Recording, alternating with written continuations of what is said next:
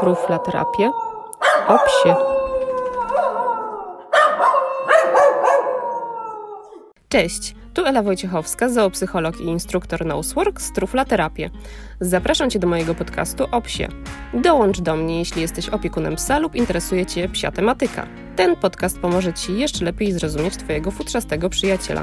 Mam nadzieję, że spędzisz miło czas słuchając mojego podcastu. Zapraszam Cię również na moją stronę internetową truflaterapię.pl, gdzie znajdziesz wszelkie potrzebne informacje dotyczące konsultacji online oraz treningów Nosework.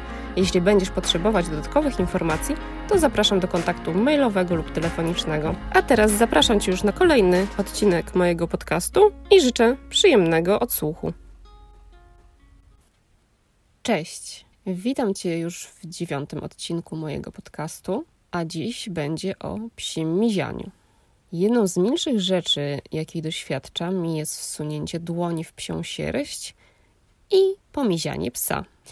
Ta czynność bardzo mnie uspokaja i dostarcza wielu przyjemnych wrażeń. A najlepsze jest to, że mając trzy psy do dyspozycji, mam możliwość dotykania trzech rodzajów sierści. I pomimo tego, że są to trzy teriery, to jednak ich futra zdecydowanie mają inne właściwości. I tak, sierść Huntera jest najbardziej szorstka, na grzbiecie jest dłuższa, a po bokach taka e, troszeczkę krótsza i tworzy taką fajną, jakby to nazwać, nie wiem, czuprynę na, na jego grzbiecie. Natomiast właśnie tak e, po bokach jest prawie taka jak u psa gładkowłosego.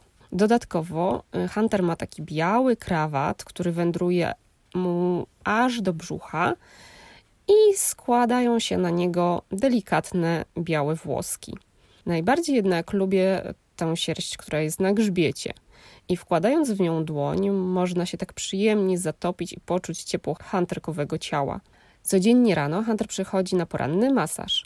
I to już jest taki nasz rytuał, który sprawia frajdę zarówno jemu, jak i mnie. Jednak zawsze to Hunter jest tym, który inicjuje taki kontakt i mówi, kiedy ma już go dosyć. Fika jest najbardziej kudłata i futro ma dosyć gęste i długie, jak na teriera. Najwidoczniej jakiś jej krewny był futrzastym psem. Często porównują ją do owcy, bo jak się jej długo nie wyczesze, to robi się właśnie taka trochę dredowata. I mizianie fiki to zupełnie inne odczucie niż w przypadku Huntera. I w zasadzie też można zatopić dłoń, bo ma taką długą sierść, jednak jest ona delikatniejsza niż sierść Huntka. Z kolei trufelka ma sierść dosyć krótką. Niby jest szorstkowłosa, ale jednak taka bardziej gładkowłosa. W sumie to trudno mi określić, co to za sierść. W każdym razie nie można się w niej tak zatopić, jak w sierści od Huntera i, i Fiki, natomiast trufelkę się bardziej gładzi, co jest jakąś odmianą w doznaniach dotykowych. Takie mizianie sprawia, że w naszym organizmie wdziela się hormon o nazwie oksytocyna, który jest inaczej nazywany hormonem więzi lub hormonem miłości. Oksytocyna jest odpowiedzialna za tworzenie się społecznej więzi i również odnosi się do, do świata zwierząt. Oksytocyna z greckiego rapid birth pełni ważną rolę w życiu emocjonalnym i społecznym ssaków. Główną jej rolą jest prowokowanie skurczów macicy podczas porodu oraz stymulowanie wydzielania mleka podczas ssania. Jednak będąc w ciąży, oksytocyna wpływa na kształtowanie się więzi matki z dzieckiem. I im większy jest poziom tego hormonu u matek, tym większa wrażliwość matki na potrzeby dziecka. Poprzez dużą dawkę matczynej czułości podnosi się również poziom oksytocyny u dziecka, a co za tym idzie, tworzy się pomiędzy nimi głęboka więź. Z kolei brak matczynej opieki i dotyku może doprowadzić do poważnych zaburzeń psychicznych, a nawet do śmierci. Pokazały to okrutne eksperymenty Fryderyka II Hohenstaufa oraz Henry'ego Herlowa. Cesarz Fryderyk wymyślił sobie, że odizoluje grupę dzieci od matek, tak aby nie miały możliwości rozmawiania z nimi. Umieścił je u matek zastępczych, których zabronił w ogóle jakiegokolwiek e, z nimi kontaktu poza podstawowymi czynnościami, natomiast nie mogły z nimi rozmawiać. W ten sposób chciał sprawdzić, jaki język rozwinie się u dzieci. Niestety y, ten eksperyment zakończył się tragicznie, a Fryderyk nie dostał odpowiedzi na swoje pytania. Z kolei w roku 58 e, Herlow e, w sposób bardzo nieetyczny potraktował małe małpki który odseparował od matek zaraz po urodzeniu. Umieścił je w klatkach razem z zastępczymi matkami, którymi były takie kukły wielkości e, prawdziwych małp. Jedna z nich była zrobiona z drutu, a druga została pokryta miękką tkaniną. I druciana matka miała e, tak przyczepioną e, butelkę z pokarmem, natomiast szmaciana nie miała nic. I co się okazało? No więc okazało się, że małpki spędzały większość czasu z tą mamą, która była miękka i przyjemna w dotyku, natomiast do drucianej matki chodziły tylko po pożywienie. Gdy tylko się najadły, wracały do szmacianej matki, którą tuliły. Również tą pluszową kukłę wybierały, jeśli w klatce pojawił się straszny przedmiot. Badania dowiodły, że małpki przejawiały mniej zachowań lękowych, będąc u miękkiej matki, i jest to właśnie związane z tym, że oksytocyna odgrywa istotną rolę w regulacji zachowań opiekuńczych i pielęgnacyjnych. Podobną do relacji, która tworzy się pomiędzy matką i dzieckiem, jest więź, jaka łączy opiekuna z psem. I szczególnie jest to widoczne u osób bezdzietnych, samotnych oraz starszych, które w zasadzie traktują swoje czworonogi jako y, dziecko. W jednym z badań dowiedziono, że podczas pozytywnego kontaktu z opiekunem wydzielają się endorfiny, oksytocyna, prolaktyna oraz, uwaga, kortyzol. Dla przypomnienia, kortyzol pojawia się we krwi, gdy organizm czuje się zagrożony i jest to tak zwany hormon stresu. Oczywiście kortyzol odpowiada jeszcze za wiele innych funkcji, jednak w kontekście tego, o czym dziś mówią, istotne jest to, że poziom tego hormonu w kontakcie pomiędzy człowiekiem i psem spadł jedynie u ludzi w czasie tego eksperymentu, a u psów nawet się podniósł. I miało to związek ze sposobem interakcji pomiędzy opiekunem i psem. Podczas tego eksperymentu opiekunowie stosowali drapanie, głaskanie, poklepywanie i połączenie drapania z poklepywaniem. Jaki wniosek można z tego wyciągnąć? Ano taki, że nie każda forma dotyku jest przyjemna dla psa. Na pewno delikatne drapanie, masaż, głaskanie będą lepszą formą interakcji niż tarmoszenie psa i poklepywanie. Zresztą trzeba mieć na uwadze, że nie każdy pies lubi, gdy się go dotyka. Niestety nie wszyscy opiekunowie to respektują. Większość z nich nie ma świadomości, że pies nie chce być po prostu dotykany.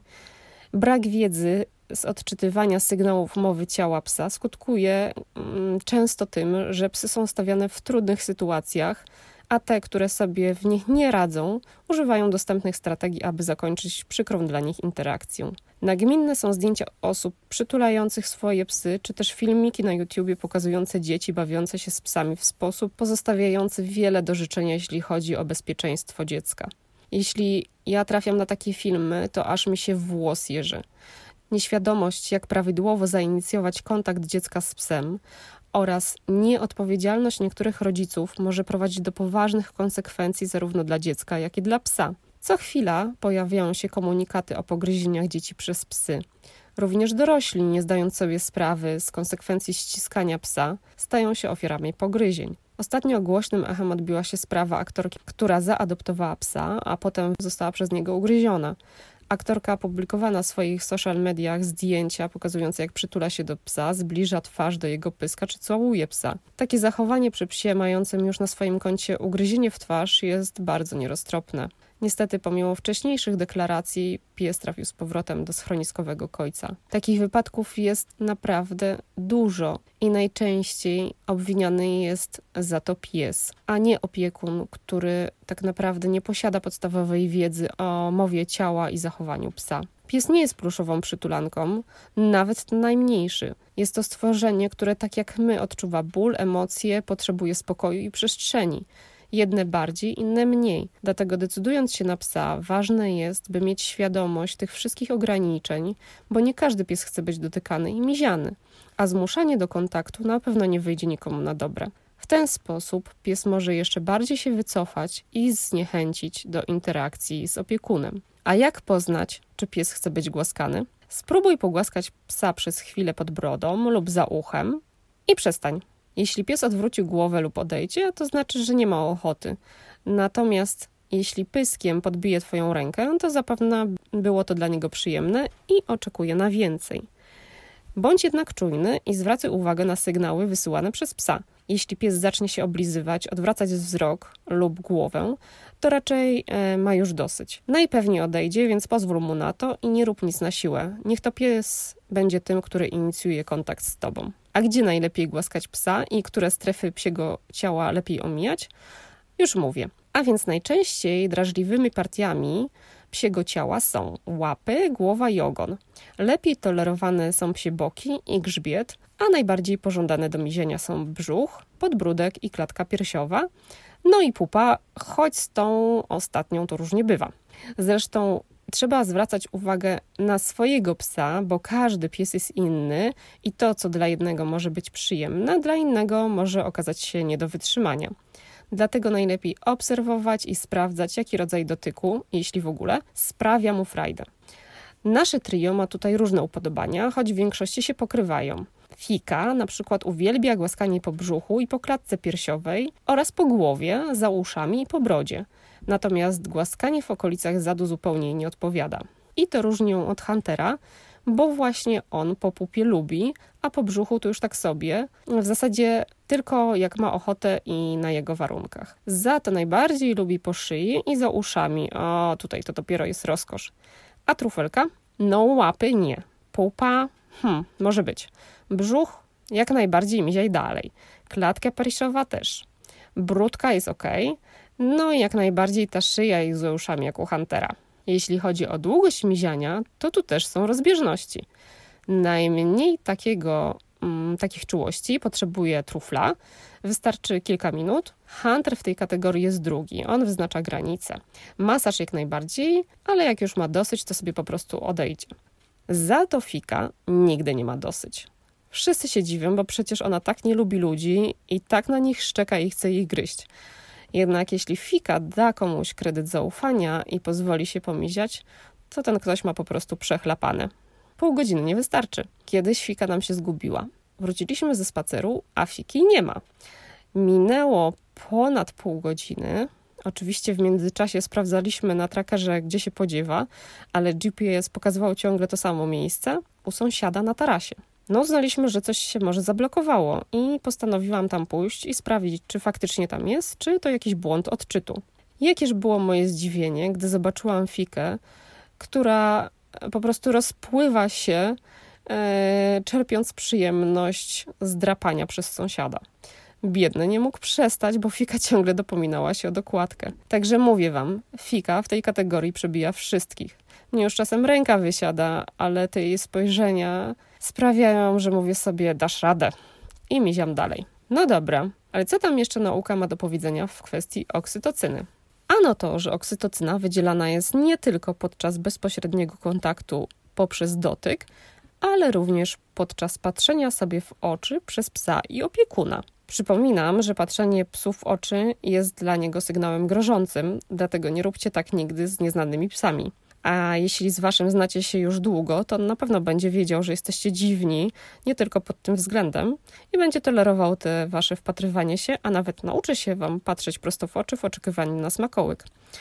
Hunter doskonale opanował tę sztuczkę i jest w niej mistrzem. No więc, według Takefumiego Kikusui z Uniwersytetu Azabu w Japonii, patrzenie w oczy podnosi poziom oksytocyny zarówno u psów, jak i u opiekunów. Kikusui wraz z zespołem zebrali mocz od ochotników biorących udział w badaniu i następnie poprosili opiekunów, e, aby zainicjowali kontakt z psem. I w pierwszym badaniu opiekunowie i psy mieli sobie patrzeć w oczy. W sumie kontakt wzrokowy został utrzymany od kilku sekund do kilku minut. I spośród tych par, które wpatrywały się w siebie najdłużej, zanotowano znaczny wzrost oksytocyny w ponownym badaniu moczu.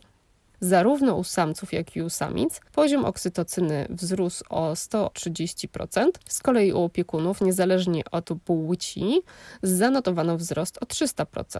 A w następnym badaniu psom podano przy pomocy spraju oksytocynę do nosa i czas wpatrywania się suk w oczy opiekuna wzrósł o 150%, natomiast poziom oksytocyny opiekunów wyniósł tak jak poprzednio 300%.